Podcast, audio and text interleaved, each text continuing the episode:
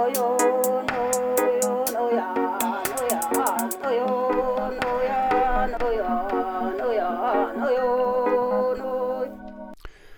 Welcome for this podcast in our series Circumpolar Music Traditions from Nord University. Uh, my name is Paul Fagerheim, and today we are presenting our third talk with Ande Somby.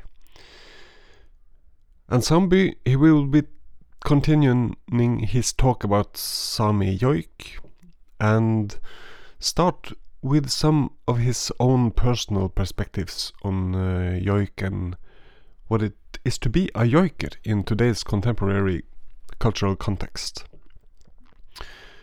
Uh, one specific thing about joik is that uh, it is often connected to some kind of a spirituality.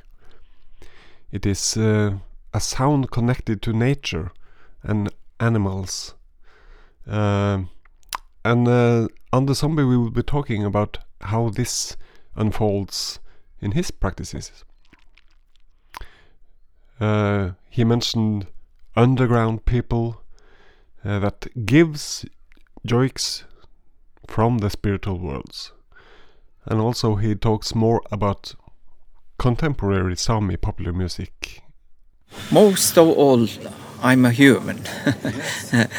so um, so I think that, but I'm, I know joiks best. So it's through joik that I can be uh, as good a human that I can be, like uh, uh, use the the power of songs because I'm so interested in. Uh, for example, I have been joiking two joiks and or joiking one joik and singing one song here but it's a strange thing to do because it's sort of forbidden to sing.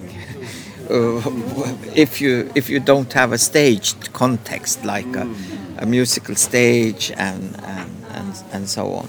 But this is very very modern construction. Yeah, yeah. This uh, ban of, of, singing in, uh, in, a conversation. Yeah, yeah. It's not. Uh, it's really something we just uh, recently enforced. Yeah, uh, but but I I used to to use songs also when I lecture for my for my students. Then I uh, use, for example, to illustrate a, a, a point or or uh, when when when something is um, sort of there but intangible. Mm. That you you say that. Uh, uh, let's look at a, a little controversial uh, issue. Let's assume that um, you have just bought a house and then there are ghosts in that house and you want to reverse the trade, the transaction. You say that uh, there are ghosts in the house uh, that you sold me. And then uh, you go to the court. The seller doesn't want to reverse. He has got his money and he's happy to get rid of that ghost house. So he he denies say, saying that there oh there are no ghosts there. But you you hear them, and then you have the, the intangibility of life all of a sudden as a practical problem, and uh, to describe for example, uh, ghosts in a house with the with the, the strictly rational language of, of law.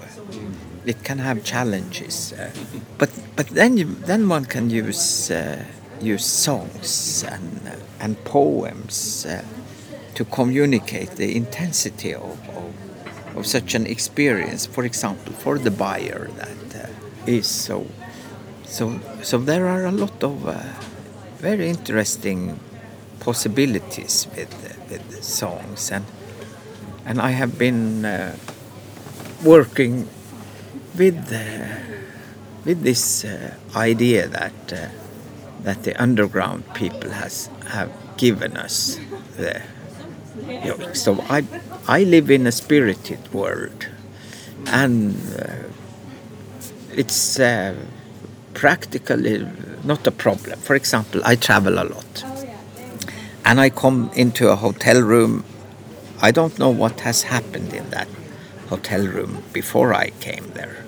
So I open up the door and I speak to the spirits of that room. I, I tell them that, hello, I'm Ante, and I'm staying here for three nights. Uh, I'm here uh, to take part in this seminar. It, the topic there is such and such, and, and then I say that I come with peace, uh, and I also want peace. But and then I used to invite if somebody needs to speak to me, then they're welcome to do that. And and that is a ritual that I have, uh, living in a in a spirited uh, world, and um, I have been working artistically with uh, with that. So to uh, um, uh, it has implications, for example, to think that um, or you think through what would be a very, very underground way to, to, to do that, and and you you get both the melod melodiosity and and sometimes the expression uh, much uh, that you get a taste of different uh, melodiosities, different expressions, and then you can choose what you what you would go for. In particular, with the with the animal yoiks, I have been sort of listening to the sort of to the spirit. So um, I have been working with the mosquito yoik, and then my position is that the sound of a mosquito is maybe the most beautiful little piece of music that I can hear when the mosquito flies close to my ear. So it's this beautiful, beautiful tone. And then I used to know that for music I have to pay. So I know that this musical piece will cost me a drop of blood, a little sting and a drop of blood.